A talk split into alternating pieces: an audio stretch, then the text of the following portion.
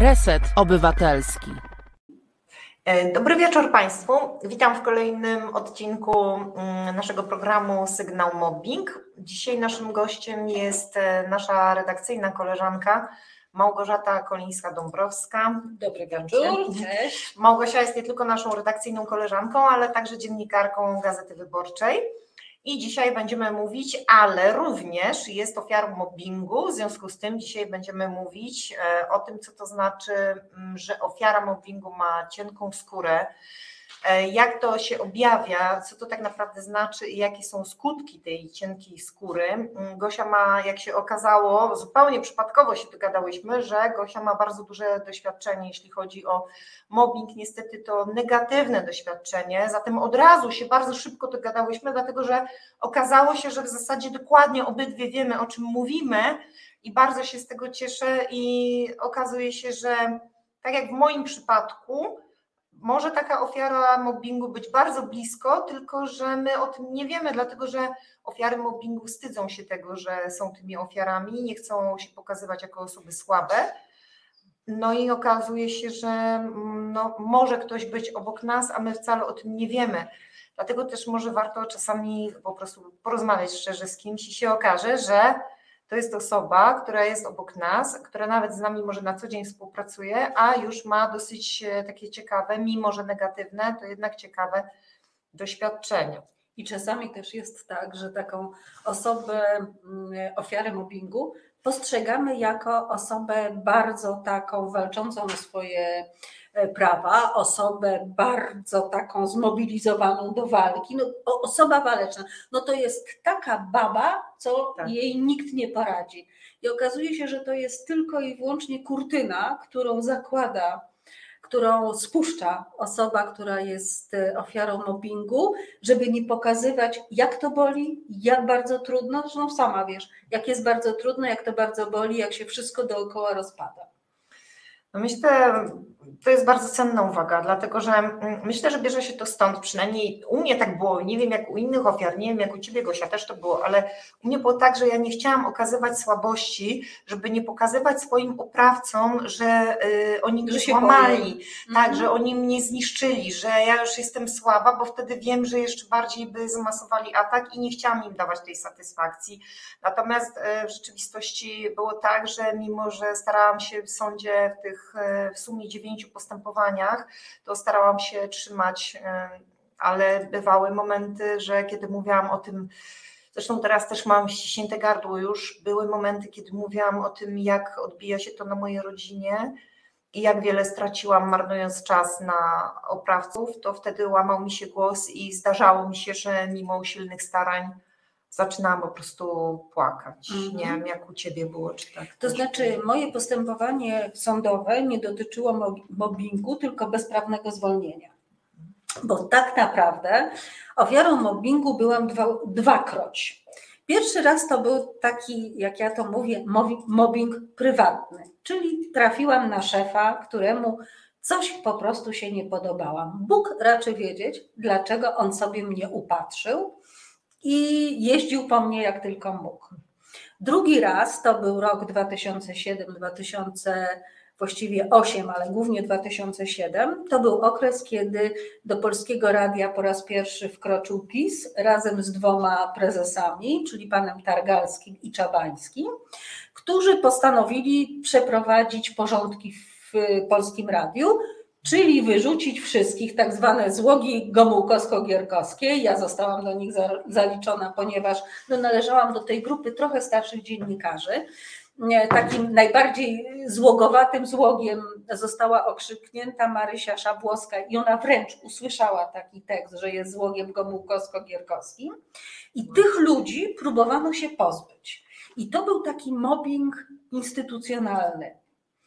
Dlatego roz, rozdzielam te dwie rzeczy, bo tu mhm. była rzeczywiście sytuacja taka, że nie wiem dlaczego facet mnie nie znosił i robił wszystko, żebym ja odeszła z redakcji, w której pracowałam, natomiast tutaj cały mechanizm, cała machina polskiego radia działała po to, żeby wyrzucić grupowo określoną y, liczbę osób. I tam chyba wtedy pracę straciło ze 400 dziennikarzy I to była taka machina, która była ustawiona, jak to ma być robione, i każda osoba, która znalazła się na liście do zwolnienia, trzeba było to zwolnienie jakoś uzasadnić. Wobec tego zaczynało się niszczyć tą osobę, pokazywać, że jest nieudolna, że jest złym dziennikarzem. Pierwsza rzecz, jaką ono, nas poproszono, i to też był przejaw mobbingu, to była tak zwana autolustracja. Musieliśmy złożyć kwity do mm, IPN-u, czy aby, nie daj Panie Boże, ktoś z nas nie był jakimś tajnym agentem, czy tajnym donosicielem, czy kimkolwiek. Okazało się, że nie trafione.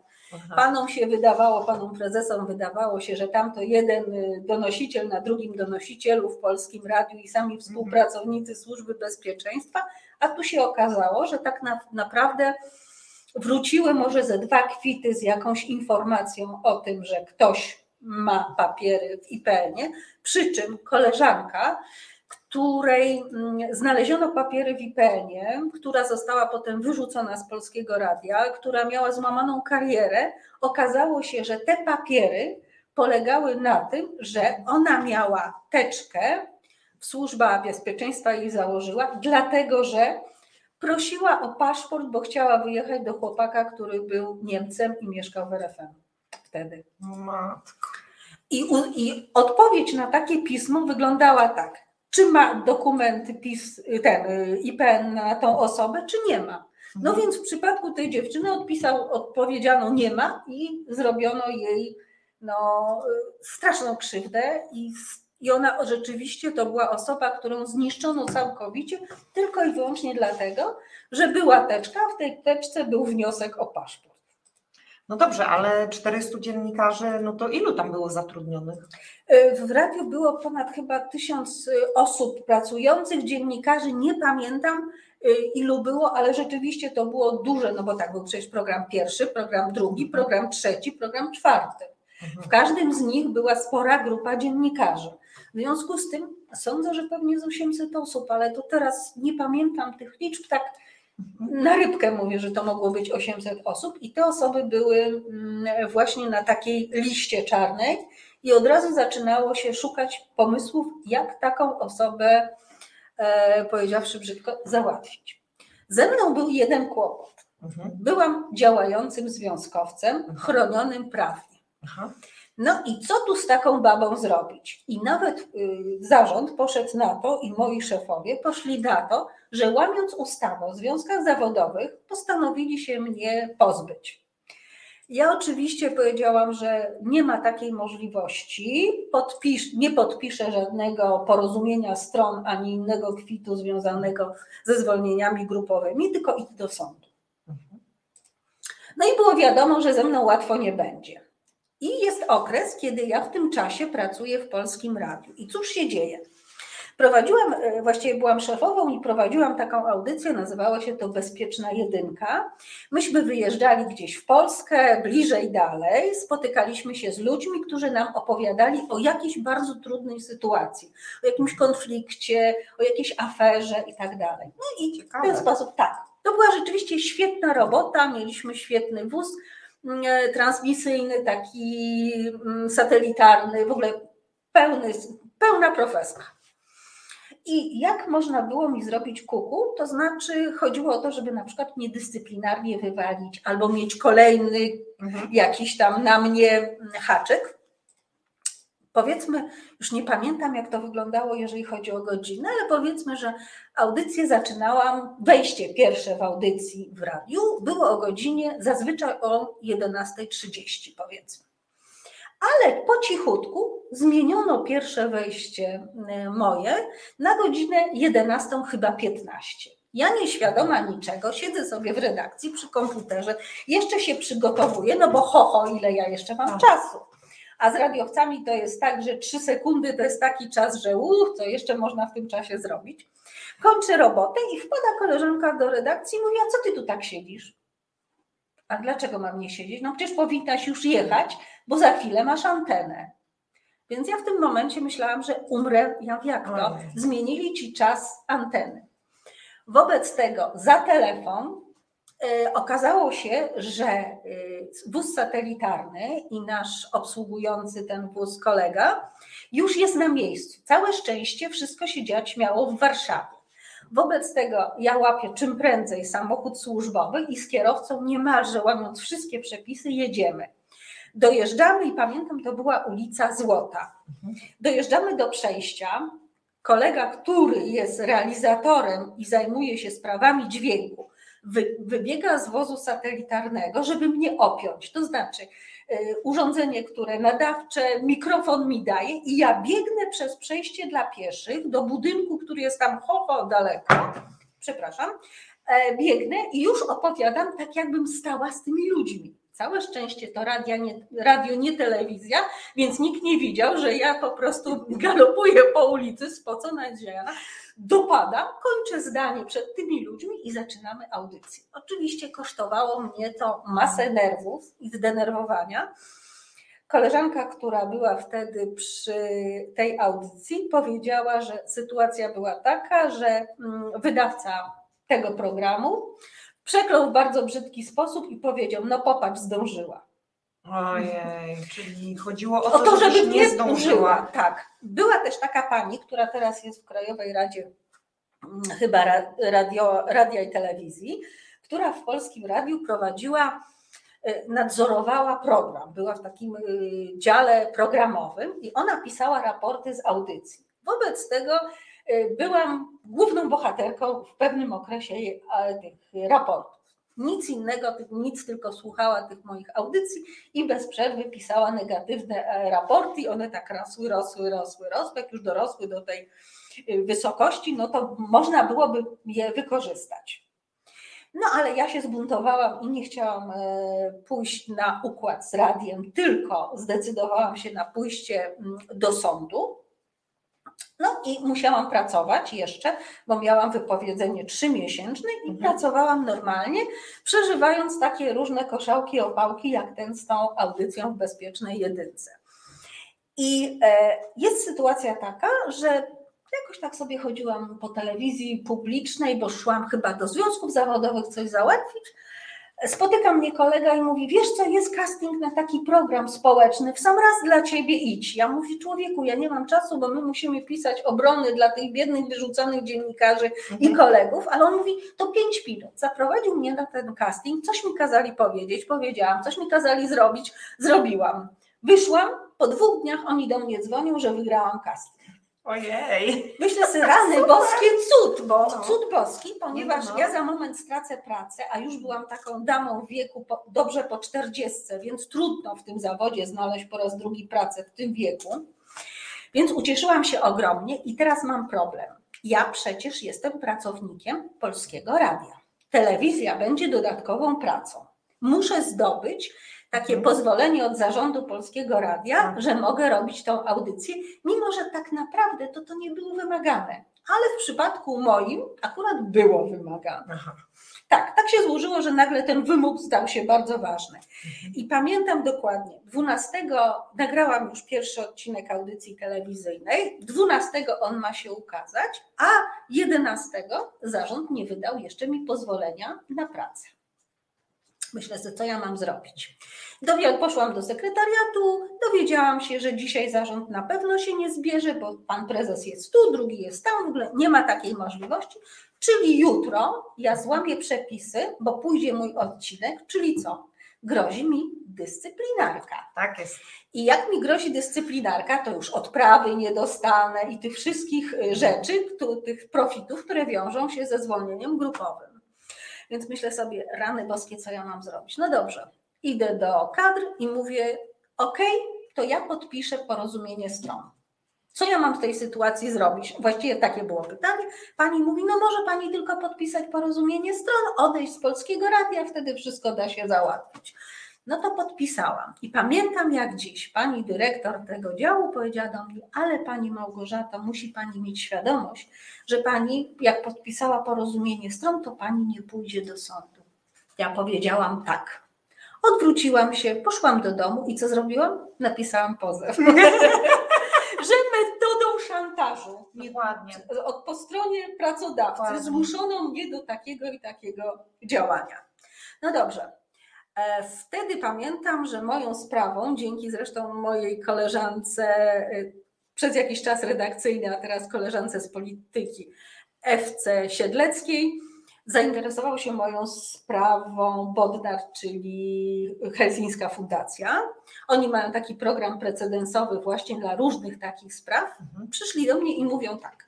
Jeżeli pani się zdecyduje na sprawę sądową, w tym o konkretnym swoim przypadku i zapadnie wyrok na pani korzyść, to przy okazji może pomożemy innym. Ja mówię, oczywiście, bardzo chętnie idę na to. Mhm. Pierwszy radca prawny, który miał się zająć tą sprawą, popatrzył, popatrzył na to porozumienie stron i mówi: "Mm-mm, Tu się nic nie da zrobić, proszę pana. No jak nie? No więc ja mu powiedziałam: No jak nie? No ale on mówi: Ja już tyle czasu, ja już tam 20-50 lat pracuję w zawodzie, no nie. No dobrze, to żeśmy z tą fundacją poszli precz. Po jakimś czasie znaleźli młodego adwokata. Rzeczywiście młodego adwokata, takiego na dorobku. Spotkaliśmy się, pan mecenas na mnie popatrzył, porozmawialiśmy, pan mecenas na mnie popatrzył i mówi tak. A pani taka bardziej bitna? Ja mówię tak. I da pani radę? Mówię Mhm. tak. I daliśmy radę. Wygrałam z Polskim Radiem w tej sprawie. O. Ale no. sprawa Mhm. trwała 3,5 roku. Czemu? Po pierwsze, wszystko szło bardzo wolno, przerwy między jedną a drugą rozprawą, świadkowie się nie stawiali, oczywiście ci, którzy byli z polskiego radia. Mhm. A to chorowali, a to umierali, a to mieli delegacje, a to mieli no, wszystkie możliwe nieszczęścia ich dopadały, żeby to się więc minęło. Po czym prawie na samo zakończenie sprawy sąd popełnił błąd. Pozwolił jednemu z y, ławników, czy sędziów tych, bo było trzy osoby ze składu, pójść na inną rozprawę, dlatego że terminy się jakoś nakładały. No i okazuje się, że jest błąd formalny, wracamy od nowa. O rany. Jak ja to usłyszałam, to naprawdę myślałam, że mnie trafi szlak. No ale Ej. zaczęliśmy od nowa, tylko oczywiście sąd, wiedząc, że narozrabiał jak nie wiadomo co, wpadł na taki pomysł, że właściwie czytaliśmy zeznania, nie wzywaliśmy świadków i to szło dość szybko. I po tym 3,5 lat, 3,5 roku wygrałam. Y, Nie dostałam jakiegoś oszałamiającego odszkodowania, bo o to nie występowałam, ponieważ jak podpisałam porozumienie stron, to dostałam bardzo wysoką odprawę z racji tego, że to były zwolnienia grupowe. Więc już nie chciałam się wygłupiać. Właściwie to nie miało sensu. Dostałam to, co z kodeksu, czyli nie pamiętam, jedną czy dwie, e, dwa wynagrodzenia, pensje i na tym koniec. Ale tak się ogromnie ucieszyłam, że wygrałam Mhm. i że to wszystko tak się skończyło, że dostałam zawału serca. Naprawdę. Naprawdę, mówisz poważnie. Naprawdę, nie był to taki zawał serca, żeby mnie powaliło i, i żebym leżała w szpitalu, ale to był taki zawalik, taki wiesz, ostrzeżenie, ponieważ zaczęłam się źle czuć, zaczęłam kaszleć, poszłam do lekarza, do internisty, on mówi, wie pani co, to wszystko jest jakieś dziwne, Y, wie pani co zrobimy, ja pani dam badania, niech pani zrobi koniecznie mm, EKG. No to je zrobiłam. Po godzinie mam telefon, a już pracowałam w innej redakcji, żebym przyjechała z powrotem do przychodni. Ja mówię, proszę pana, nie, nie mam czasu i tak dalej. Nie, proszę przyjechać. No i przyjechałam, przyjął mnie już tym razem kardiolog, mówi, przeszła pani zawał serca. No, no. Ja na niego patrzę, mówię, panie doktorze, pan zwariował. No przeszła zawał serca, to bym pewnie umarła albo leżała w szpitalu. On mówi, nie, nie, nie, to nie jest wcale tak, że każdy zawał serca to jest y, wizyta w szpitalu. Można przejść taki mniejszy zawał serca, ale on, pani serce, pogroziło pani palcem. I to właśnie było ten moment, kiedy szedł ten stres. no dobrze, ale czyli co tutaj mamy? Mamy tak, zbieranie haków. Tak, Zaraz będziemy też mówić o tym, jak wygląda mobbing w ogóle w mediach, ale zaraz zobaczmy teraz historię Gosi. To jest tak, zbieranie haków. Najlepiej, żeby były takie naruszenia, doprowadzić do takich naruszeń, tak, tak jak z tą zmienioną godziną o 15 minut wcześniej, żeby można było od razu dać dyscyplinarkę i wtedy osoba już jest z głowy, tak, bo to jest e, rozwiązanie w trybie natychmiastowym e, z winy pracownika. Dobrze, czyli to jest wilczy bilet, bo tak naprawdę taka osoba ma to w papierach i po prostu, czyli mamy y, jakby pracodawca taki, który ten mober mm, ma dwie pieczenie przy jednym ogniu. Po pierwsze pozbywa się osoby, e, z dnia na dzień, bo to jest skutek natychmiastowy, a po drugie jeszcze jej e, dokucza i niszczy życie zawodowe, cały I życiorys. brudzi jej papiery. Dokładnie, ponieważ ma dyscyplinarkę, czyli wilczy bilet. No, nie, no są pracodawcy, którzy decydują się zatrudnić osobę y, z dyscyplinarką, no ale to są, to są rzadko, rzadko spotykani pracodawcy. I teraz efekt jest taki, że, rozstrój, że ten stres, który trzymał cały czas, od, w momencie, kiedy odpuszcza po tym stresie, to wtedy jest właśnie, kiedy ta adrenalina odpuszcza, to jest moment, w którym właśnie organizm już daje znać, bo tej adrenaliny nie ma, w związ- w związku z tym nie ma tego całego nakręcacza. Ale efekt uboczny jest taki, że będąc cały czas na tych wysokich obrotach przy stresie, końcu organizm rzeczywiście nie wytrzymuje I mówi dziękuję. i mówi dziękuję. I jakie to były objawy? Yy, No, jak, się, jak się zorientowałeś, że coś jest nie tak? Kasłałaś? Wiesz co, miałam kaszę. Tylko i wyłącznie. Ale suchy, jak to tak? Nie, po prostu ni stąd, ni zowąd.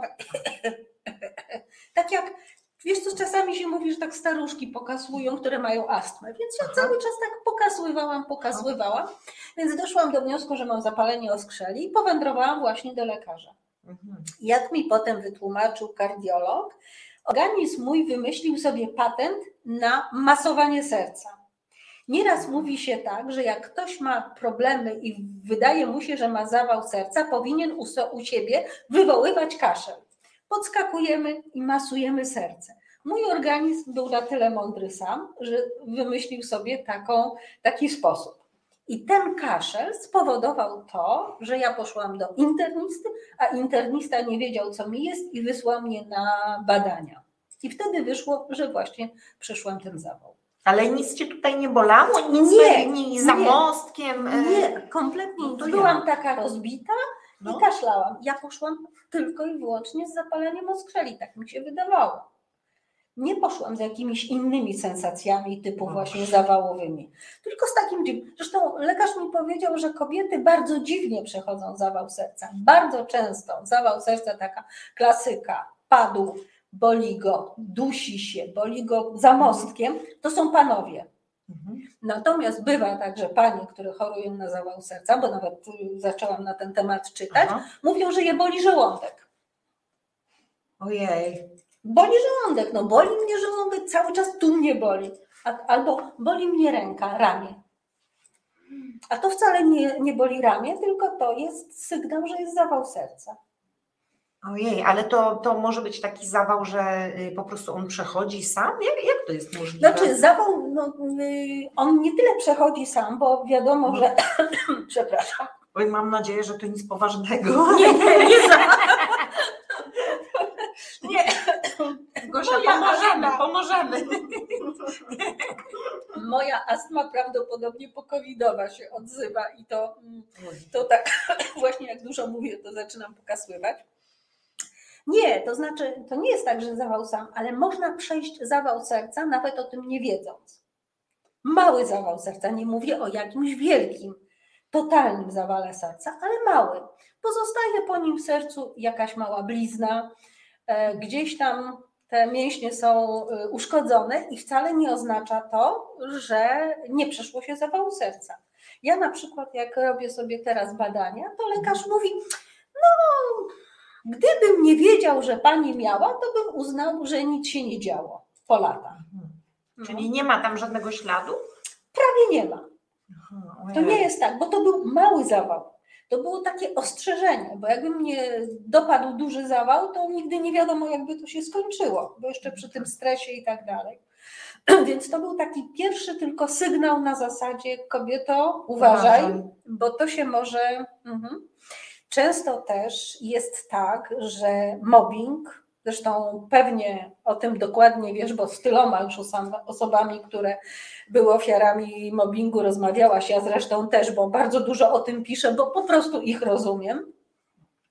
Wiesz o tym, że bardzo często depresja jest No tak. efektem mobbingu i to taka bardzo poważna depresja, również depresja taka i wszelkie inne problemy zdrowotne ze zdrowiem psychicznym bardzo często są właśnie efektem mobbingu. I No to tak. takiego, tak, bo stres po prostu człowieka zabija. Ale wrócę teraz do tego takiego prywatnego mobbingu, bo to Mhm. jest zupełnie inna bajka. A dlaczego prywatny? Dlatego, że mój szef coś miał do mnie. Nie wiem, dlaczego mnie nie lubił. Mogę zakładać, że może ktoś e, mi zrobił e, u niego e, zły piar. Nie wiem, ale Może to mu się podobałaś. nie, nie sądzę. To nie tędy droga. Może nie wiedział jak podejść. Takie końskie zaloty. Nie, nie, to też, to też nie to. To nie to. Niektórzy nie dorośli, no. Nie, to nie to. Ten facet po prostu mnie nie cierpiał. Ewidentnie. I ja sądzę, że ktoś zrobił mi taki zły PR. No ale zaraz, przepraszam. Co to za facet? Przychodzi ktoś, robi y, kobiecie, dziennikarce, tak? y, y, Robi Powiem zły ci, PR, za- a on to kupuje od razu. To Co jest to za facet, facet to był facet, który mm, parał się dziennikarstwem, potem z tego dziennikarstwa wyszedł i przez jakiś czas był związany ze służbami, e, bo tam pracował. Potem zarzucił służby i wrócił znowu do dziennikarstwa Mhm. i wrócił do, do pracy w radiu. I pamiętam wszystkie kolegia, w których on uczestniczył, e, w których każdy mój tekst, e, każdy mój materiał, wszystko co robiłam, było do kitu. Albo było źle zmontowane, albo było bez sensu. I ja zawsze pamiętam, że to była zawsze taka, e, takie wylanie kubła na mnie. Mhm, taka Co to było krytyka. źle? Krytyka, Na forum krytyka. publicznym, tak, tak? na Czyli kolegium. nieuzasadniona, taka złośliwa, Tak. poniżająca krytyka na forum publicznym. Cały czas to się przywalało, takie właśnie typowa rzecz. Tak, to jest typowe dla mobbingu. Tak, że się wszystko, co ja bym nie zrobiła. I jeszcze jedna rzecz. No. Na kolegium jest tak, że zgłasza się tematy. Ten mówi to, ten mówi to. Ktoś wpadł na świetny pomysł, więc na pewno Aha. ten temat realizujemy. No i nie daj Panie Boże, wpadłam na świetny pomysł. Wszyscy mówili, świetny temat trzeba zrobić, Mhm. więc ja jestem przekonana, że idę, robię ten temat. Po czym się okazuje, że Zdzisio robi ten temat. No więc ja idę do moich szefów i mówię, kochani, przecież to ja zgłosiłam. Nie, niemożliwe. Wydaje mi się, że to Zdzisiek miał robić. Oczywiście imię Zdzisiek Ojej. jest przypadkowe. Tak, tak, rozumiem. Tak, więc y, no jak to? No więc musiałam się wyszarpać. Czasami wyszarpałam ten temat, a czasami po prostu moja mama miała takie powiedzenie, wmówiono mi jak dziecko w brzuch, że nie ja, tylko ktoś inny zgłosił. Więc jest to dla dziennikarza frustrujące, między innymi dlatego, że w większości przypadków mm, dziennikarze mają taki mały etat, mały finansowo, to znaczy jakaś taka najniższa kwota, zarabiają honorariami, czyli za każdy tekst, za każdy materiał radiowy Mhm. dostajesz pieniążki. Im więcej zarobisz, im zrobisz, tym więcej zarobisz. Więc jak ci ktoś podebrał temat albo ktoś inny go zrobił, to oznacza, że nie zarobiłeś pieniędzy i na koniec miesiąca dostaniesz nieco ponad ten najmniejszy etat. No. I wtedy jest bieda. Jak masz rodzinę, dzieci i tak dalej, to jest ogromny stres, bo nagle wiesz, że trzeba to kupić, tamto kupić, dzieci nie mają butów, trzeba zrobić to, trzeba tamto, a ja zarobiłam tylko parę groszy. Mhm. I to jest naprawdę bardzo frustrujące. I człowiek się nastawia na to, że codziennie idziesz na kolegium i wiesz o tym, że albo ci zrobią taki numer, albo ta krytyka na ciebie spłynie potoczyście. To jest dwa. I cały czas codzienne, poranne kolegium jest totalnym stresem. się nie daje tak funkcjonować. Naprawdę Dzień bardzo trudno jest w ten sposób funkcjonować i jest taki mechanizm, zresztą na pewno wiesz, że jeżeli w redakcji czy w Mhm. jakimkolwiek firmie jest taka jedna osoba poddana mobbingowi przez szefa, takiego oberszefa, Tak? to cały zespół zaczyna robić to samo. Tak. Twój kierownik, który do tej pory zachowywał się ok i był przyzwoitym człowiekiem, nagle mu się odmienia. Nagle No. on też twierdzi, że jesteś niedorozwinięta i nie umiesz pracować i ogólnie rzecz biorąc na dziennikarza to ty się nie nadajesz. No a dlaczego tak jest? Yy, Bo chcemy być wobec szefa lojalni, no jak będziemy też A, aż tak? Tak. I tak wszyscy? Tak w redakcji Nie wszyscy, było? nie wszyscy, ale na przykład część wydawców tak się zachowała, zachowywała wobec mnie. Czyli lepiej było, lepiej było, niech Państwo zobaczą, lepiej było przypodobać się temu silniejszemu, niż bo tam- stanąć w obronie tego. dokładnie, bo tam mam więcej korzyści tak? A tutaj nie mam żadnej, bo tutaj Dokładnie. ten już jest do, do, na, na straconej pozycji, więc tu nic nie zyskam. Mhm. Czyli proszę zobaczyć, jakimi, jaki to jest system wartości, tak? I e, bardzo często też tak jest e, właśnie dlatego ludziom, którzy są ofiarami mobbingu albo sygnalistami, którzy stracili pracę, nie mają pieniędzy, dlatego im nikt nie chce pomagać, bo z nich nie ma żadnego, żadnej Mhm. korzyści. Oni nie zapłacą, bo nie mają pieniędzy. Oni są często w bardzo złym stanie psychicznym. E, Niektórzy wykazują też zachowania destrukcy- samodestrukcyjne, to znaczy no, po prostu zaczynają pić. E, Tak, zdarza się. są to osoby znerwicowane, są to osoby, które się leczą, są to osoby, które są przewrażliwione i generalnie przebywanie z taką osobą samo w sobie jest bardzo trudne, tak? Więc lepiej, dlatego właśnie, bo tutaj w jednym z programów y, ktoś z Państwa zadał takie pytanie, dlaczego pozostałe osoby się przyłączają właśnie i też zaczynają, właśnie to jest Mhm. klasyka gatunku. Świetnie, że Gosia to powiedziała, że inne osoby też zaczynają mobbingować, też zaczynają poniżać taką I na osobę. przykład, jeżeli w zespole jest ktoś, kto ciebie nie lubił, bo zawsze jest tak, że Aha. nie wszyscy cię muszą kochać, no no tak. to ten ktoś ma powód, żeby cię, y, przepraszam za określenie, dojeżdżać. Inni starają się zachować dystans, czyli te osoby, z którymi miałaś fajny kontakt, nagle robią się sztywne i niekoniecznie i okazuje się, że w redakcji masz, y, tak jak na przykład mnie się przydarzyło, albo jak jest to w zespole, na przykład wszyscy mówili, fajna dziewczyna i miałaś uczucie, że cię lubią. I nagle okazuje się, że tych, którzy są do ciebie ustawieni pozytywnie i nadal się lubią, jest dwie, trzy osoby. No.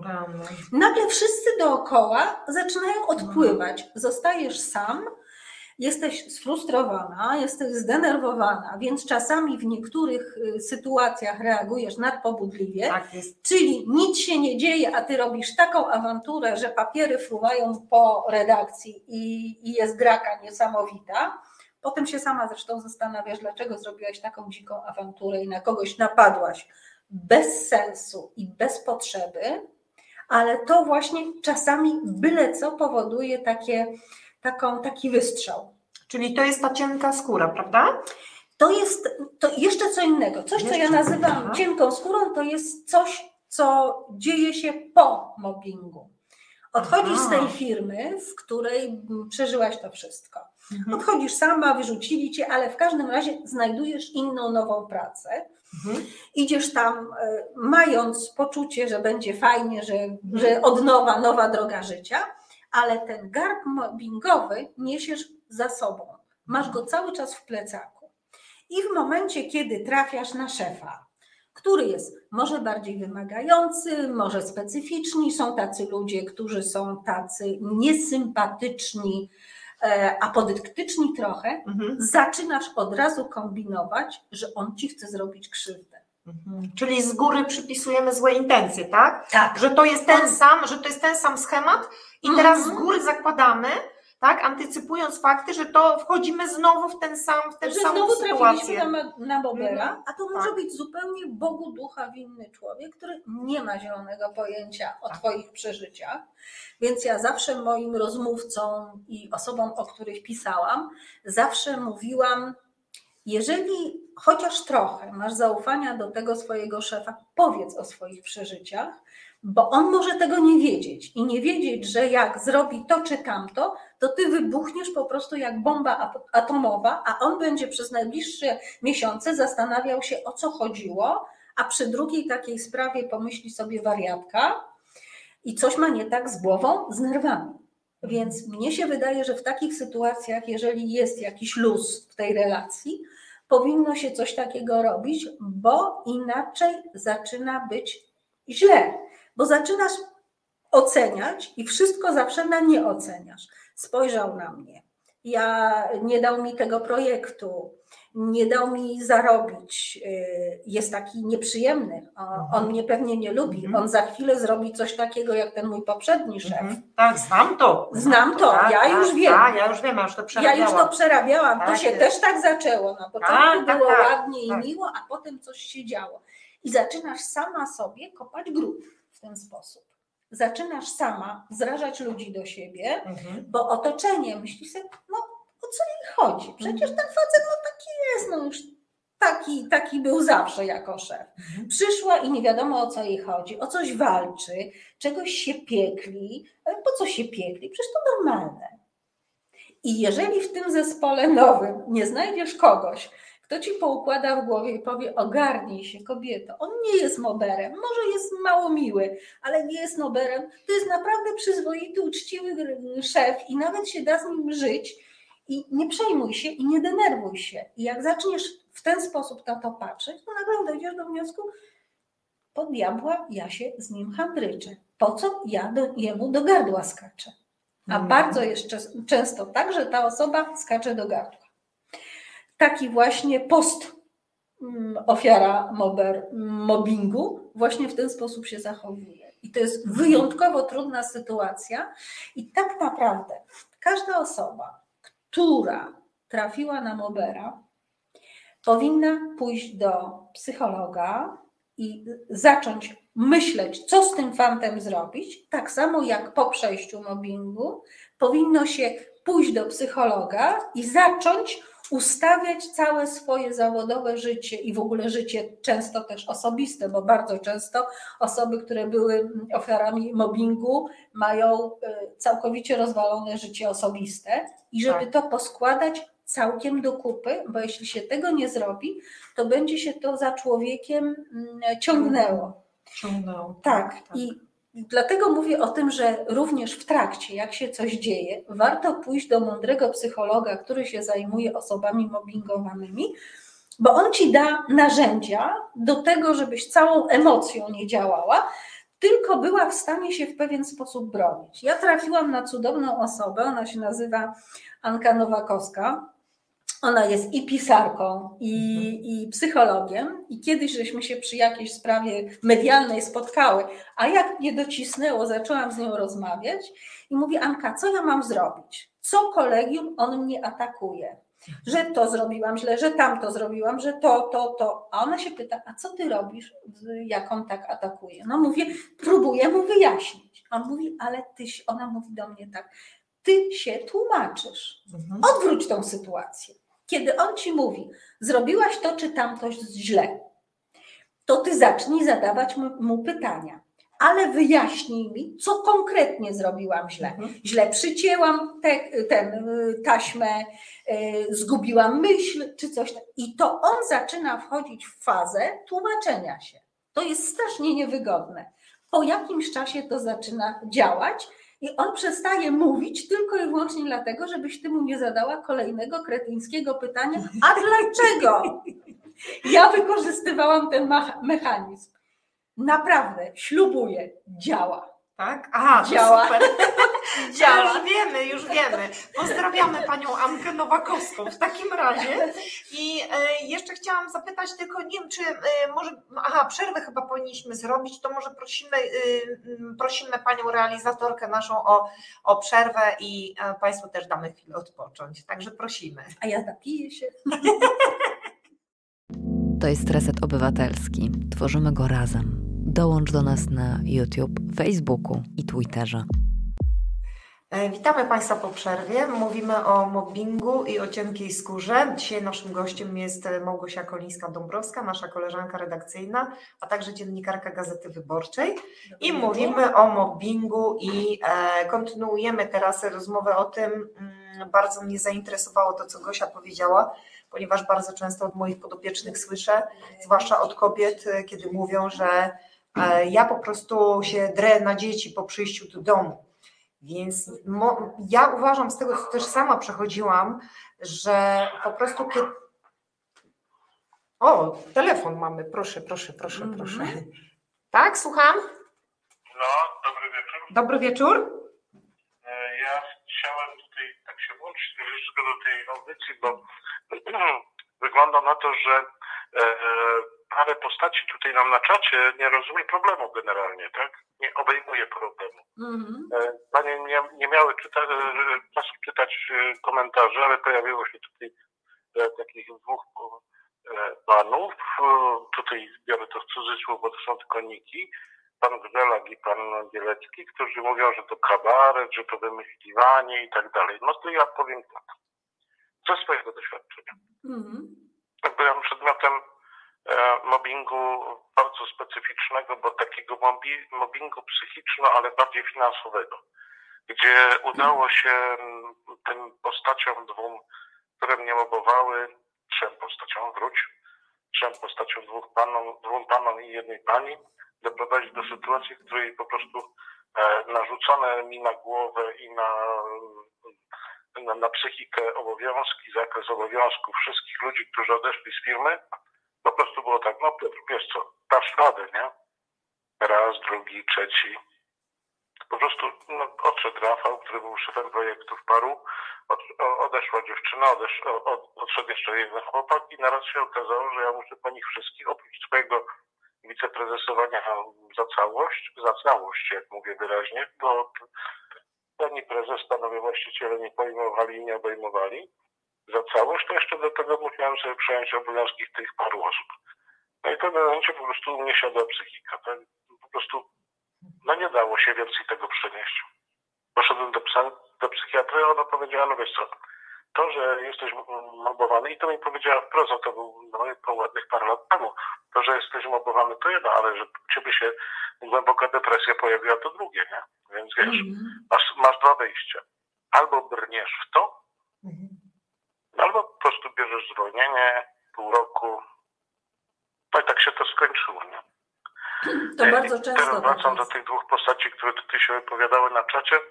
Mianowicie, ktoś, kto się z tym nie zetknął, kto tego nie dostał, tym nie dostał w twarz, tego nigdy nie zrozumie. Gorzej, osoba, która sama mobuje, tym raczej tego nie zrozumie. I to bym Zgadza dał tym dwóm panom, biorę cudzysłów, bo tak się pokazują, e, dałbym pod rozwagę, że przypadkiem nie jest tak, że to oni są tymi moderami. Dziękuję paniom. Wielki szacunek za audycję. Dziękujemy panu. Dziękujemy, pozdrawiamy serdecznie.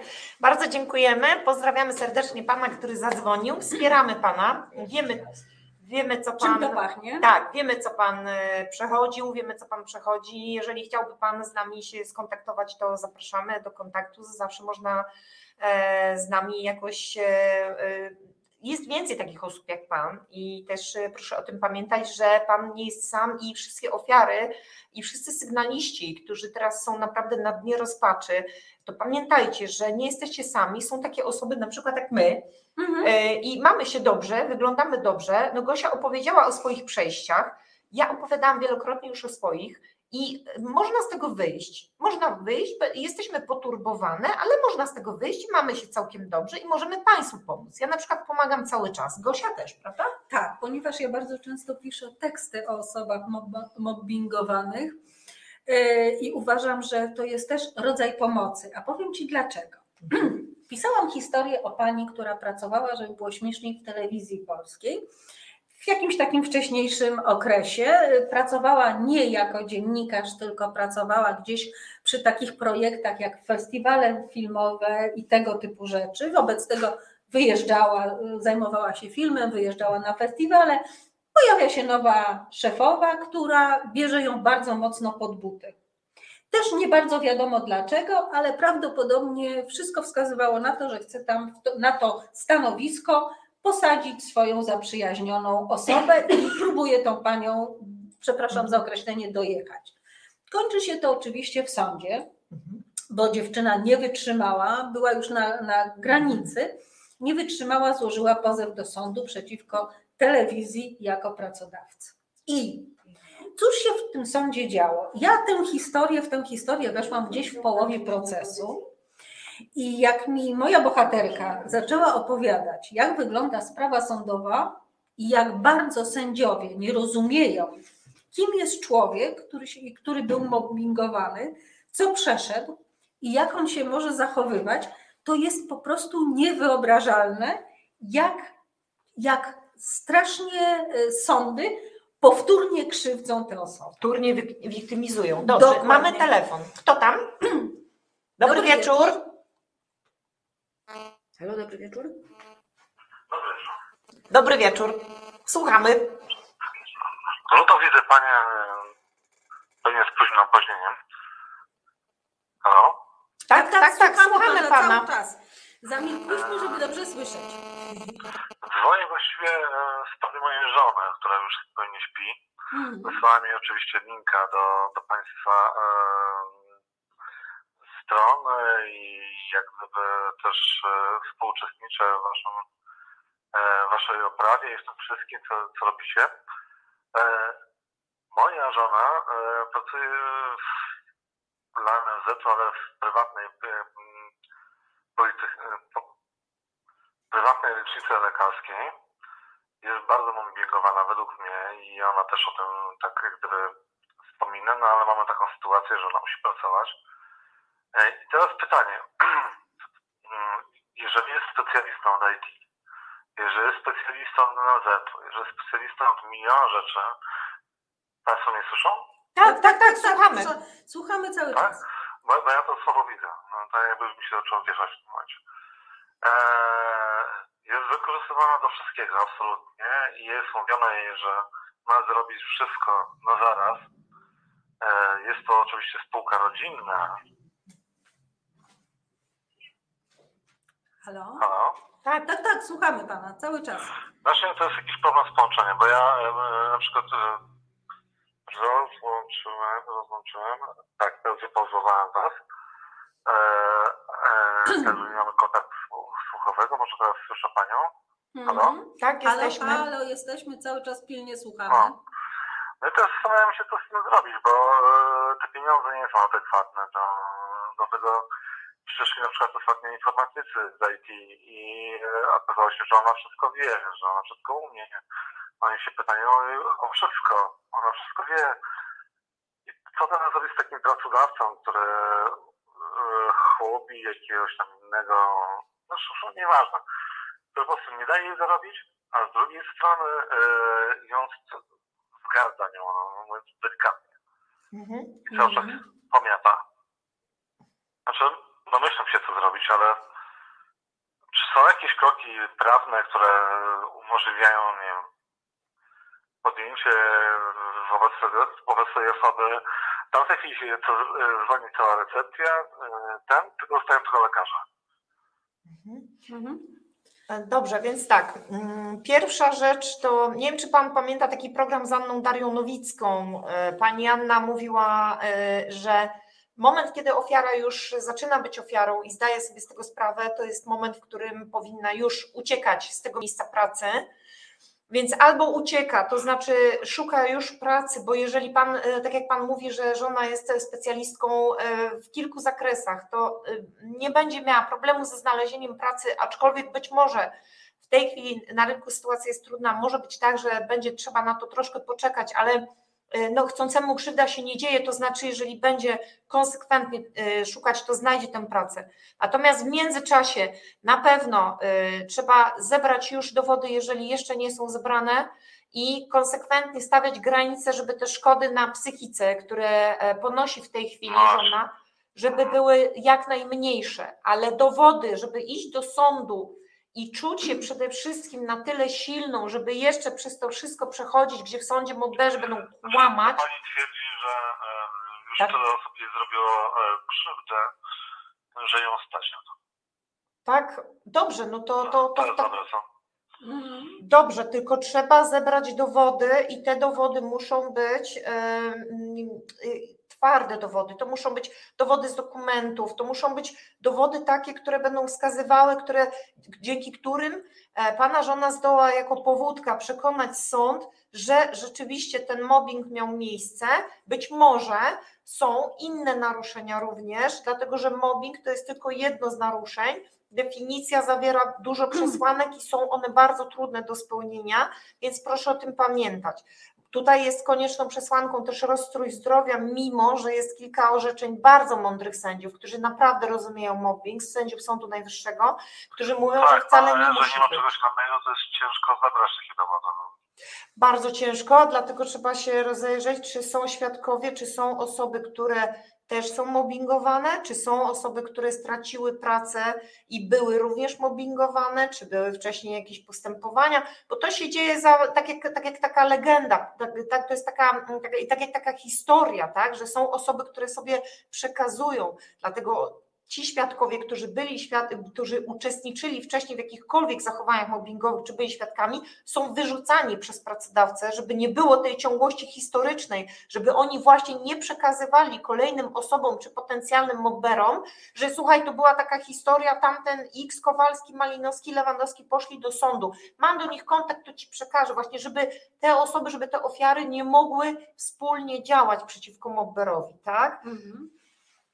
Jest coś takiego, że można zbierać na przykład maile z, z poleceniami, które wydaje szef. Tak, to widzi Pani, że to jest małe przedsiębiorstwo, mała spółka. Ciężko jest to zabrać. nie? Po nie ma, większość bo rzeczy nie pewnie jest, e, e, przepraszam za określenie, robione na gębę. Ale można w niektórych sytuacjach na przykład pisać maila e, z pytaniami. Dlaczego na przykład muszę wykonać tę i tę rzecz w ciągu 15 minut, ale przecież przed chwilą przed chwilą właśnie dostałam polecenie, że mam zrobić jeszcze to, jeszcze to, jeszcze to. No, godzina w godzinę się nie da. Czasami i wysyłanie takiego maila i na niego odpowiedź całkiem często bywa tak, że stają się dowodem na to, że ktoś wymaga rzeczy No myślę, że, a potem mówi niewykonane. to, że ludzie są niepełnosprytni, nie są niepełnosprytni Mhm. i wiedzą, że wtedy należy nie odpowiadać. tak? Nawet tak brak jest. odpowiedzi też jest pewnym, e, pewnym e, jakby opisem No, zjawiska. no ale nie chyba nie do sądu. Tak mi, się, tak mi się wydaje. Z doświadczenia mojego, bo ja też miałem różne sprawy mobbingu i Tak? zagrałem naprawdę go do kasy i spokojnie sobie z tymi ludźmi poradziłem, którzy nie dojechali do końca. Także Mhm. jak się zastanawiam po prostu, jest jakaś porada do tych prywatnych ludzi, którzy działają normalnie sobie w NLZ-cie i, i udają, że wszystko jest ok i jadą ludzi po całości. A jest tych, e, jest tych kobiet sporo. Mhm. Y, Więc ja, ja panu coś powiem, jeżeli to jest y, firma rodzinna, to będzie dużo trudniej, dlatego że rodzina jest powiązana ze sobą wspierać. y, więzami e, rodzinnymi, emocjonalnymi. Oni są ze sobą bardzo silnie związani emocjonalnie. Nigdy e, albo bardzo rzadko, chyba że się pokłócą, to wtedy dopiero wystąpią przeciwko sobie. Natomiast jeżeli e, jeżeli razem działają wspólnie, no to bar, bardzo nikła szansa. Moim zdaniem tu trzeba jak najszybciej uciekać. Czyli można powiedzieć, że polskie prawo nie chroni pracownika w takich wypadkach. To znaczy, wie pan, tak jak w każdym postępowaniu sądowym, tutaj cudów nie ma, tutaj się nie da po prostu pójść i liczyć, tak jak jedna, jedna z moich podopiecznych przyszła i no, no chyba ten sąd jest inteligentny. No jest inteligentny, ale potrzebuje na jakiejś podstawie to roszczenie zasądzić, na jakiejś podstawie stwierdzić, że rzeczywiście miał miejsce mobbing, więc bez dowodów, bez materiału dowodowego, bez świadków nie da się tego po prostu załatwić. Pani o świadkach, czy mate- materiały dowodowe?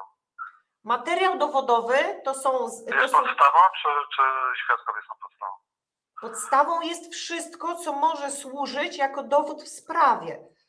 Świadkowie są ważni, ponieważ to są zeznania ze świadków, są istotne, ponieważ świadkowie widzieli, co się z tą osobą działo i widzieli sytuację. I oni mogą potwierdzić, że takie sytuacje miały miejsce.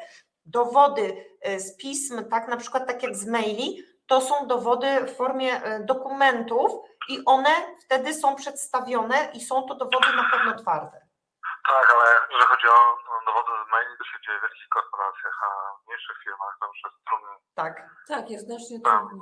Mhm. No to już jest trudniej.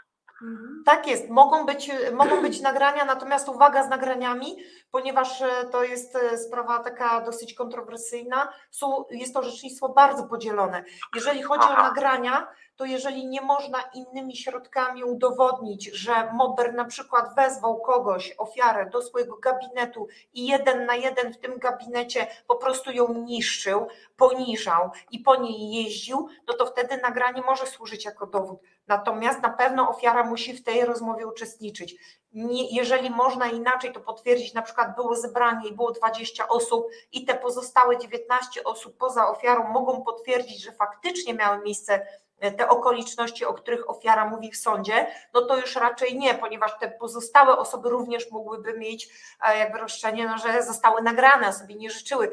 Poza tym proszę uważać z nagraniami, bo jeżeli ktoś przychodzi z nagraniami do sądu, to pracodawca natychmiast może podnieść, że jeżeli ofiara chodzi i nagrywa tajemnicę e, zakładu pracy, to nie wiadomo, gdzie ona je wynosi i co z nimi dalej robi. W związku z tym taka osoba no, jest nikła szansa, że zostanie przywrócona do pracy z uwagi na brak zaufania. No to można powiedzieć w skrócie, że poszanowanie pracy e, pracownika ludzie mają w nosie. No, czasami bywa tak, że jest to rzeczywiście tak, że poszanowanie pracownika masz mają pracodawcy też, w nosie. Ale nie wszyscy. Niech pan Ale zobaczy. Jeżeli pracodawca sam siebie nie szanuje, zatrudnia i trzyma mobbera, to w takim układzie nie ma co go szanować, ponieważ on sam siebie nie szanuje, więc daje Tak, sygnał ale do to otoczenia, że że nie. tacy ludzie nie, nie rozumieją tego i, i dalej są bezkarni, tak? Mhm. Dalej są bezkarni, dlatego trzeba walczyć o to, żeby nie byli bezkarni. Natomiast nie każdy ma na to siłę. I czasami po prostu nie ma dowodów wystarczających na to, żeby przekonać sąd. Jest bardzo ciężko w sądzie. W sądzie się zaczyna prawdziwa dżungla, od razu panu mówię. Wiem, wiem, wiem. Dlatego trzeba chyba zakładać te związki zawodowe nawet małych, jeżeli można. No właśnie, można czasami, Kogoś jeżeli, od państwa. Jeżeli w firmie są dobre związki zawodowe, a to najczęściej y, dotyczy dużych firm, to czasami bywa tak, że rzeczywiście związki zawodowe są w stanie pomóc w takich sytuacjach i, i też pójść i do sądu. E, Poza tym do związków zawodowych wiele informacji wpływa i można wykorzystać ich wiedzę, ale no ze związkami zawodowymi jest tak, że najczęściej one są w dużych firmach, a mniejsze firmy robią wszystko, co tylko możliwe, żeby związków, żeby związki nie powstały. No dobrze, no, dziękuję za Proszę bardzo. Dziękujemy. pozytywną Dziękujemy. e, audycję. No dobranoc. Dobranoc, Panu. dziękujemy. Właśnie chciałam Państwu jeszcze powiedzieć i dziękuję za ten telefon, dlatego że szczególnie budujące dla mnie jest to, kiedy zgłaszają się do mnie, a bardzo często tak jest, członkowie rodzin e, ofiar, członkowie rodziny ofiar, którzy, którzy się martwią, którzy widzą z boku, że coś się z tą, z tą osobą dzieje i oni się zgłaszają do mnie po pomoc, co w tej sytuacji robić? No oczywiście sama ofiara też musi chcieć tej pomocy, natomiast rzeczywiście dobrze, że e, Państwo reagujecie. cudownie jest, jeżeli No. w domu taka osoba, która jest Tak, mobbingowana, tak, ma wsparcie, bo często jest tak, że po jakimś czasie rodzina ma tak serdecznie dość tego, co się dzieje u tej osoby w pracy, tego, że ona jest sfrustrowana, tak jak mówiłaś, że się na dzieci, Tak, tak. jest nieznośna, o niczym innym nie mówi, tylko się nakręca i cały czas opowiada o tej historii, że bardzo trudno jej zyskać takie wsparcie rodziny i to jest trudna sytuacja, a często bywa tak, że właśnie mobbing powoduje, że rodzina się rozpada. Tak było na przykład w przypadku tej pani, o której zaczęłam mówić, mówiąc w kontekście sędziów.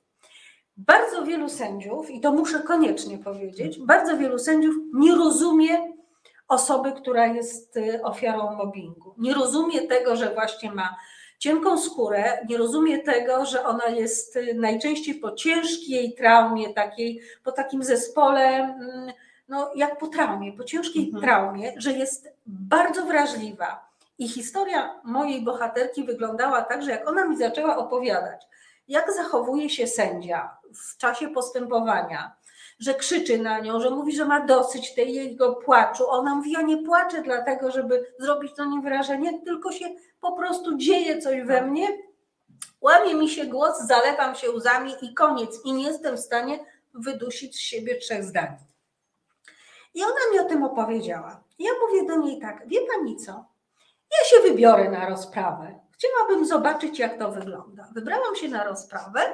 No i sąd, oczywiście jedna osoba, prawnik, ja sobie siedzę, sąd pyta, a pani to kto? Zazwyczaj dziennikarze odpowiadają albo publiczność, albo ludzie, którzy siedzą, mówią publiczność, a ja odpowiadam, nazywam się tak i tak, jestem dziennikarką Gazety Wyborczej. Dobrze. Sąd uznał, że mam prawo siedzieć, siedzę, słucham. No i przychodzi taki moment, sąd zadaje mojej bohaterce jakieś pytanie, ona zaczyna dostawać dygotu i zaczyna płakać. No i w tym momencie sędzia wystartowuje na tą swój etap, na ten poziom agresji i zaczyna, ja już mam tego dosyć, znowu pani zaczyna się zapłakiwać, czy pani myśli, że to na mnie zrobi wrażenie, a ona się trzęsie w sposób totalny. We mnie zaczynają grać emocje, mówię, za chwilę szlak nie trafi, ale sobie myślę, no przecież nie będę na sędziego krzyczała, bo nie mogę. Wobec tego otwieram torebkę, wyjmuję kajecik, długopis, patrząc sędziemu w oczy, zaczynam pisać. Pisać to, co on mówi. I on, a ja piszę, opisuję tą historię, patrzę na niego i znowu piszę. I tak sędzia, bo ja mam już tego dosyć. Popatrzył na mnie, zamilkł i mówi: No, wiedzą Państwo, a może zrobimy w takim razie tak. Zrobimy przerwę, pani się uspokoi, napije się zimnej wody i będziemy rozmawiać później. Ja sobie pomyślałam. Sędzia pomyślał sobie, że jak ja opiszę tę historię, to napiszę, jak on się zachowywał. Zachowywał, tak, tak, tak, czyli jednak potrafił się Tak, zachowywać więc inaczej. wiedział, tylko że właśnie, a z kolei bardzo wielu po prostu nie rozumie, nie rozumie tej wrażliwości. Wydaje im się, że to jest jakaś histeryczka, osoba, która robi cały teatrzyk. Nie, te osoby są tak wrażliwe, że przy nich głośniej tupnąć, a one popadają w dygot. Tak, chciałam jeszcze Państwu powiedzieć taką historię, właśnie dziękuję, że Gosia to powiedziała, że w szczególności zauważałam przecież y, y, zawsze środkiem retorsyjnym albo bardzo często są e, w przypadku sygnalistów e, prywatne oskarżenia i sprawa idzie wtedy do sądu karnego. Sędziowie karni, no y, ja rozumiem, że ktoś ma do czynienia z morderstwami, z poważnymi przestępstwami, ale y, to jeżeli ja siedzę na ławie oskarżonych z prywatnego oskarżenia Mobera, który uważa, że on był dobry i sprawiedliwy, tylko ja go pomówiłam, to powiem Państwu, że ja miałam taką sytuację właśnie, właśnie w sprawie o pomówienie, kiedy po prostu miałam wrażenie, że e, sąd początkowo e, niby twierdził, że też tego nie ogarnia, jak można tak się znęcać nad ludźmi pracy, tak, w miejscu pracy w Ministerstwie Zdrowia, a na koniec e, wydał wyrok dla mnie e, niekorzystny w pierwszej instancji, tak, i powiem Państwu, że ja nie widziałam zrozumienia. Ja nie widziałam zrozumienia. To też był mężczyzna, bo to jest Mhm. właśnie e, moim zdaniem bardzo ważne jest, czy to jest mężczyzna, czy kobieta. Właśnie tu też był mężczyzna, dlatego o tym mówię. Dziękuję, że to powiedziałaś, Gosiu. Mhm. I ja nie widziałam tutaj zrozumienia. Ja nie widziałam zrozumienia w sytuacji, którą tłumaczyłam, że ja po prostu napisałam list do pracowników, bo mi puściły nerwy, mi się już Mhm. ulało, jak to ładnie powiedział Radek Gruca tak? Mhm. A sędzia, pan sędzia nie, nie tylko w ogóle oddalił wnioski dowodowe o powołanie świadków, właśnie między innymi Radka, który przecież bardzo nam pomagał, był naszym dobrym duchem i on jako pierwszy się zainteresował w ogóle naszą historią, tak? A poza tym bardzo ciężko mi było wytłumaczyć, że to jest taka sama historia, to jest analogiczna sytuacja do tego, kiedy wieloletnia ofiara przemocy w końcu bierze po prostu siekierę i wali przez- wali przez. I dokładnie nawet to powiedziałam. Naprawdę, bo już po prostu nie wiedziałam, jak temu człowiekowi wytłumaczyć.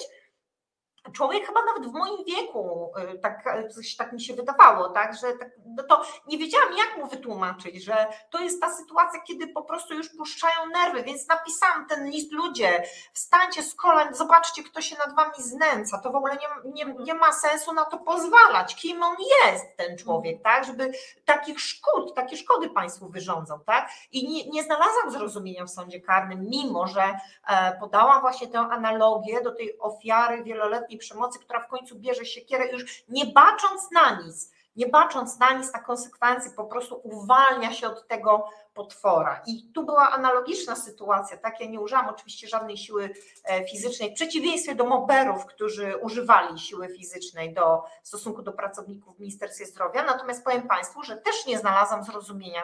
Byłam bardzo rozczarowana i też byłam, mam wrażenie, traktowana nie jako histeryczna, taka histeryczna baba, tylko właśnie to, że byłam na aplikacji radcowskiej i jestem radcą prawnym, zostało wykorzystane przeciwko mnie, ponieważ sąd uznał, że ja właśnie jako radca prawny nie powinnam była wykazywać tych ludzkich uczuć, tylko powinnam była właśnie się trzymać bardziej jak być w tym czasie profesjonalistą. Proszę Mhm. Państwa, no ja jestem przede wszystkim człowiekiem, a później dopiero profesjonalistą, więc wiadomo, że jeżeli ktoś mnie niszczył, no to w końcu mi te nerwy puściły i proszę Mhm. uważać, że wszystkich Państwa proszę właśnie sygnalistów, zwłaszcza żebyście Państwo uważali na moment, w którym puszczają Państwo nerwy, ponieważ nawet w sądzie może to zostać wykorzystane przeciwko Państwu. Tak? Dobrze mówię. Mhm. Ja też miałam taki moment, że puściły mi nerwy. To właściwie już było tuż, kiedy odchodziłam z polskiego radia.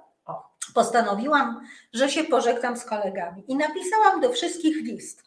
I w tym liście napisałam, że odchodzę wcale nie z własnej woli, mimo że po, O. podpisałam porozumienie stron, że zostałam tak naprawdę wyszczuta z tego polskiego radia i że yy, i napisałam tak, że dla tych, którzy po mnie płaczą i tych, którzy się cieszą, mam jedno zdanie z filmu Psy.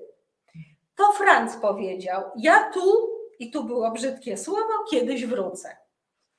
Napisałam tego maila i postanowiłam go do wszystkich wysłać. Ale okazało się, że jak przesłałam kolegom informatykom, mówię, nie wiem jak to zrobić, puśćcie mi to. Więc koledzy informatycy przybiegli do mnie galopem i mówią, Małgośka, czyś ty zwariowała? Żaden z nas tego nie wypuści, bo nas wywalą z roboty. Ja sobie myślę, jaka szkoda. I tak siedzę sobie przy tym moim komputerze, dłubię, dłubię, szukam i nagle wchodzę w jakąś zakładkę i patrzę, a tam jest cała lista mailingowa wszystkich maili w Polskim Radiu. Więc cóż robię? Wrzucam tego, tego swojego maila i klik. Mieli, mieli, mieli, mieli, No. bum, wysłało. O rany. Sobie myślę, udało się. pracowników. Po czym po paru minutach mój komputer robi brak dostępu. A, Myślę sobie, jaki diabeł. Słyszę na korytarzu, a informatycy mieli pokój obok Tak, nas. biegną. Biegają, tam coś się strasznego dzieje. I ja myślę, co się stało? Wyszłam z pokoju, a podbiega do mnie informatyk i po prostu płacze ze śmiechu. I mówi, wiesz coś ty kobieto zrobiła? Ja mówię, co? Wysłałaś tego maila. No ja mówię, udało mi się. On mówi, tak, udało ci się, tylko na tej liście mailingowej był prezes Czabański, był prezes Targalski i wszyscy szefowie tej firmy. No i dobrze. Ja też wysłałam Więc- do wszystkich. Tak, i więc ten myk, blokada dostępu blokada. była na skutek właśnie tego. Oczywiście to miało swoje konsekwencje, bo gdybym pomyślała przed wysłaniem tego maila, to bym wpadła na pomysł, że tak się stanie. I teraz tak. W komputerze, w systemie zostały wszystkie moje reportaże, nagrania, Mhm. moje materiały, do których ja mam prawa. Tak? Wobec tego ja nic z tego nie, nie wyszarpię. Tam były rzeczy, były obecne, były dokumenty różnych ludzi, z którymi miałam kontakt. No i myślę, że nie jest dobrze. Ale oczywiście koledzy informatycy są kochani wobec tego przyszli do mnie i mówią tak, przyjdź dzisiaj gdzieś koło 12 w nocy, my ci otworzymy bramkę, tak żeby nie było śladu, że była otworzona, wyciągniesz sobie wszystko, co potrzebujesz, a my potem bramkę do rana zamkniemy. I tą metodą odzyskałam część tych najważniejszych e, reportaży, a przede wszystkim odzyskałam dokumenty, które miałam w komputerze, które też mi się potem przydały. No tak, ale to musiałaś się uciekać do takich dziwnych metod, żeby odzyskać swoje własne, swoją własną pracę, swoją tak. własność intelektualną? Tak. Blokada dostępu. I to mignęło i się skończyło. A panowie informatycy się nie bali, co? Nie, oni wiedzieli, jak to zrobić. Oni się tylko bali rzeczywiście wypuścić w ciągu dnia mm, tego mojego maila, bo było wiadomo, że wypuścili to informatycy, bo to by się wyświetliło, więc żaden z Mhm. nich nie chciał podjąć tego się tego ryzyka. Natomiast ja całe szczęście, że otworzyłam tą jedną, jedyną zakładkę gdzieś na końcu systemu i udało mi się No, to proszę. zrobić. Chciałaś, to znalazłaś, czyli Tak. tak, mi też e, zablokowali komputer, mój komputer też został zablokowany, nie mogłam nigdzie wysyłać maili po tym, jak wysłałam mailem właśnie list do pracowników Mm, i trwało to tydzień, w ogóle nie mogłam pracować. E, Następnie zostałam wezwana przez, e, razem z mm, zastępującym dyrektora generalnego, e, zostałam wezwana do szefowej służby cywilnej, no i pani szefowa nakazała odblokowanie mi skrzynki, żebym mogła pracować. Także tak. A Tak, twoja tak. skrzynka była odblokowana, czy nie? Czy nigdy? Nie, już potem nie Już miałam nie. dostępu i tak dalej, no bo potem to ja już odeszłam z radia i było z głowy. A, jeszcze jedna rzecz mi przyszła do głowy. Nie można lekceważyć czegoś takiego, jak e, kierownik czy osoba, która była Twoim szefem, nawet w okresie mobbingu i tej całej e, Mhm. awantury, bo bywa też tak, że ludzie, że szefowie firmy wyznaczają kogoś, kto ma się zająć usuwaniem mobera. I ten ktoś robi tę paskudną robotę, i tak było w polskim radiu. Był taki człowiek, który wręczał nam wypowiedzenia te w ramach zwolnień grupowych i brał w tym udział. I ja pamiętam, że jak z nim rozmawiałam, jak mi powiedział, że jestem też na liście i że jestem posprzątana, ja mu powiedziałam: Mój drogi, zazwyczaj historia uczy, że ten, który wykonuje taką paskudną robotę, jest następnym, którego wyrzucą. No i masz ci babo placek, tego człowieka też zaraz po nas wyrzucono. Wobec tego ja go wezwałam do sądu na świadka i cóż, on mi bardzo pomógł. Ponieważ on był świadom tego, co się działo, sam mhm. poniósł stratę, bo stracił robotę i przyniósł do sądu takie pismo, które napisał któryś z prezesów, w którym było wskazane jednoznacznie, tam chyba były cztery nazwiska ludzi, E, którzy mają zostać wyrzuceni bez żadnej możliwości powrotu do pracy, nawet żeby nie wiem co, niech sobie pójdą do sądu. I tam między innymi była owa Małgorzata Kolińska-Dąbrowska. I to było coś, co mi bardzo pomogło, bo po prostu myśmy dostali jako szefowie działów, dostaliśmy takie pismo. Pani Kolińskiej Dąbrowskiej ma nie być w Polskim Radiu.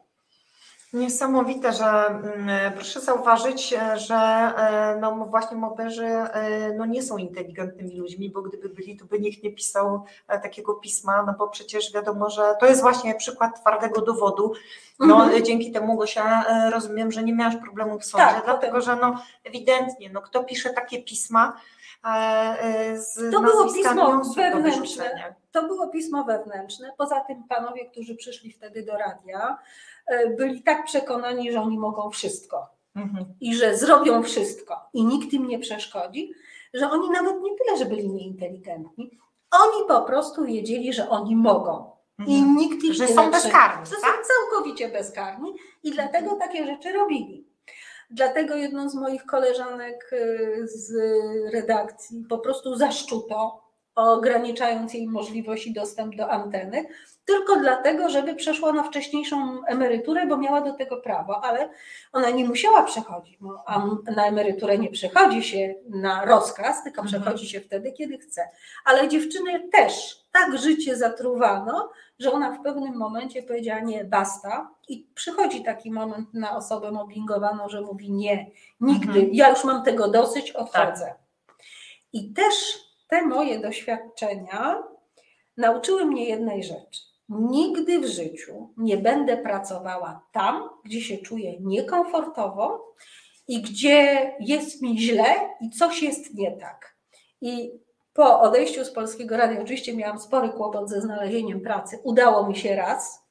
Nie podobało mi się tam, więc odeszłam. Potem trafiłam do drugiej redakcji, już nie będę mówiła której, gdzie było jeszcze gorzej, gdzie mi cenzurowano niemalże materiały. Ładnie. Napisałam o kimś, Ładnie. że jest idiotą, a potem się okazało, okazywało z mojego tekstu tak go zmienione, że to jest w ogóle geniusz. Wobec tego. To rzeczywiście. Tak, więc y, jak ja mówiłam, mm, bo to była y, niemiecka gazeta mająca mhm. wydawcę niemieckiego, mówiłam codziennie rano, to idę do swojego niemieckiego obozu pracy. Mhm. Tak wyglądała moja. I wtedy też pomyślałam sobie, nie, basta. Więcej tam nie pójdę. I jak ja mówię, jak rzuciłam papierami, to prawdopodobnie jeszcze do tej pory po redakcji fruwają. Nie, oni się gdzieś przenieśli, to już nie, ale powiedziałam nie. Nigdy w życiu nie będę pracowała tam, gdzie mi będzie źle, gdzie będę miała jakikolwiek dyskomfort. Super. I to myślę, że, bo już bardzo przedłużyliśmy, znaczy -hmm. przedłużyłyśmy, My? tak. Mm, także y, na koniec chciałam Państwu powiedzieć takie, takie dwie jakby jeszcze uwagi z tego, co Gosia mówiła. Po pierwsze, moberzy nie mają wyobraźni i zostało to potwierdzone właśnie i ja cały czas o tym mówię, bo oni myślą, że teraz mogą wszystko, a za chwilę y, sami będą na dnie. I te osoby, które teraz ich tak wspierają i sklepiają, będą pierwszymi, które wbiją im nóż w plecy, ponieważ są to osoby. Oczywiście, jeszcze ich utopią. Mm -hmm. Że właśnie moberzy mają takie grono wspierające, e, takich sojuszników. Mm, a mm, po drugie, właśnie e, chciałam Państwu mm, bardzo podziękować za, za uwagę i chciałam Państwu powiedzieć, że to, co Gosia powiedziała teraz na końcu, nigdy nie zatrudniać się i jeżeli Państwo traficie i widzicie właśnie, tak jak Gosia powiedziała, że coś jest nie tak, no bo atmosfera się nie bierze znikąd, tylko bierze się z tego, że prawdopodobnie pracodawca zatrudnia i trzyma mobberów, to to, co mówiła Pani Anna Daria Nowicka, od razu w drugą stronę i uciekamy, szukamy lepszej, tak jak Gosia powiedziała, nie podobało jej się, idę do lepszej roboty, bo jestem za dobra. Jak pracodawca mnie nie szanuje, zatrudnia, trzyma mobberów, którzy się nade mną znęcają, to proszę bardzo, ja też go nie szanuję. Do widzenia, działamy na zasadzie wzajemności. Dobrze? mówię? Dobrze. Dobrze. No to super. To tym akcentem optymistycznym bardzo fajnie dzisiaj nam się rozmawiało z Gosią. Gosia Bardzo jest dziękuję. super. Ja bardzo dziękuję i też bardzo Państwu dziękuję i przepraszamy, że trochę przedłużyłyśmy, ale no nie mogłyśmy przestać po prostu. Tak to lubimy o tym mobbingu gadać. No Ja to dobranoc. wybaczam. Pani realizator, Tak, dziękujemy realizatorce. U nas jest wesoło, nie ma mobbingu. Dziękujemy, dobranoc. Pozdrawiam Dobranoc. serdecznie.